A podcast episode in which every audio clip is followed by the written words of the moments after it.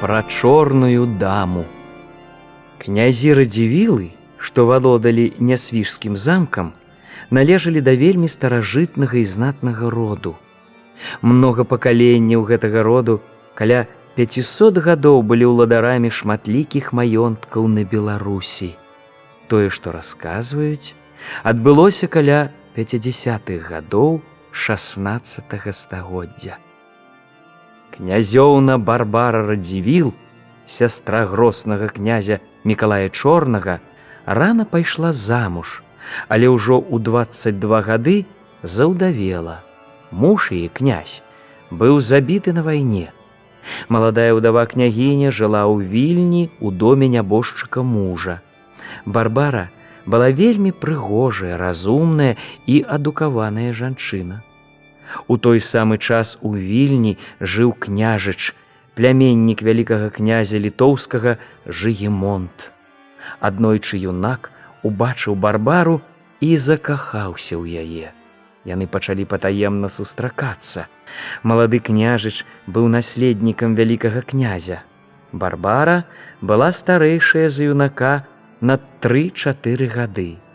Можа, яна таксама шчыра кахала яго, А можа, разумная хітрая княгіня проста хацела зрабіцца жонкаю будучага караля. І вось аднойчы, калі ў месячную салаўіную ноч закаханы пералез праз высокую каменную сцяну ў сад да сваёй любай, яго схапілі. Ён мусіў ажаніцца з княгіняй, і іх таемна звянчалі ў касцёле у вільні. Неўзабаве ён стаў польскім каралём зыгмундам аўгустам другім. Але польскі сейм і духавенства не хацела прызнаваць барбару радзівіл каралевай. Яны хацелі, каб польскай каралеваю стала багатая прынцэса, якая папоўніла б каралеўскі скарб. Але кароль Сігізмунд дабіўся, што яго жонка была прызнаная каралевай. Барбара была бяздзетная, і спадкаемца прастолу не было, а праз год пасля каранацыі яна памерла. Кажуць, што яе пад выглядам лекаў атруцілі.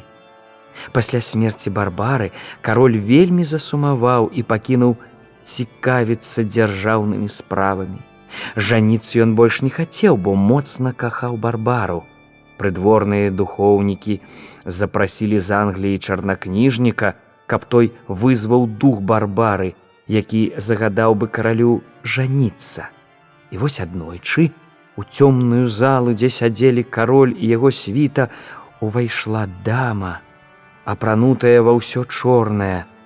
Кароль кінуўся да яе і са словамі: « Басенька моя басенька, схапіў яе за руки але адразу пачуўся выбух і пакой запомніўся трупным пахам. Гавораць, што дух барбары ў вобразе чорнай дамы пасяліўся ў нясвіжскім замку. Ходзіць сярод людзей і такое, што апоўначы месячнай ноччу у замку з'яўляецца чорная дама.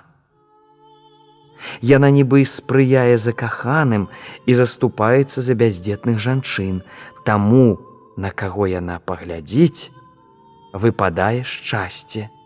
Вось кажуць пра гэтую чорную даму людзі страхі нейкія. Нібыта зданне з'яўляецца па начах у былым замку князя радзівіла. А хто запозніцца часам і ўначы ідзе каля замка ці ў яго двор, то калі закалышацца галіна, якая на дрэве ці куст або нешта затрашчыць, ці які другі таямнічы гук пойдзе, кажуць, вось чорная дама ходзіць па замку. Але каб бачыць, дык яе ніхто і не бачыў. Гэтая дама ніколі не хадзіла нават як жывая была, бо хварэла моцна і ад той хваробы не магла ні хадзіць, ні нават ляжаць. Казалі, што не барака і памерла седзячы. І пахавалі яе так, нібыта і ў труне яна сядзіць недзе гадоў за 30 таму добра не памятаю. Прыязджалі да нас нейкія людзі, казалі вучоныя, аглядалі радзівілаўскія пахаванні ў склепах нясвіжскага касцёла, адчынялі некаторыя мармуровыя княжыя труны, цікавіліся і чорнай дамаю. Знайшлі яны ў склепе мармуровую труну з высокім накшталт конуса векам.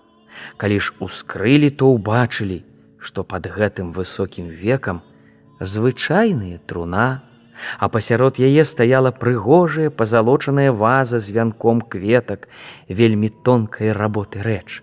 Адчыніўшы труну чорнай дамы, угледзелі забальзамаваную жанчыну, адетую ва ўсё чорнае.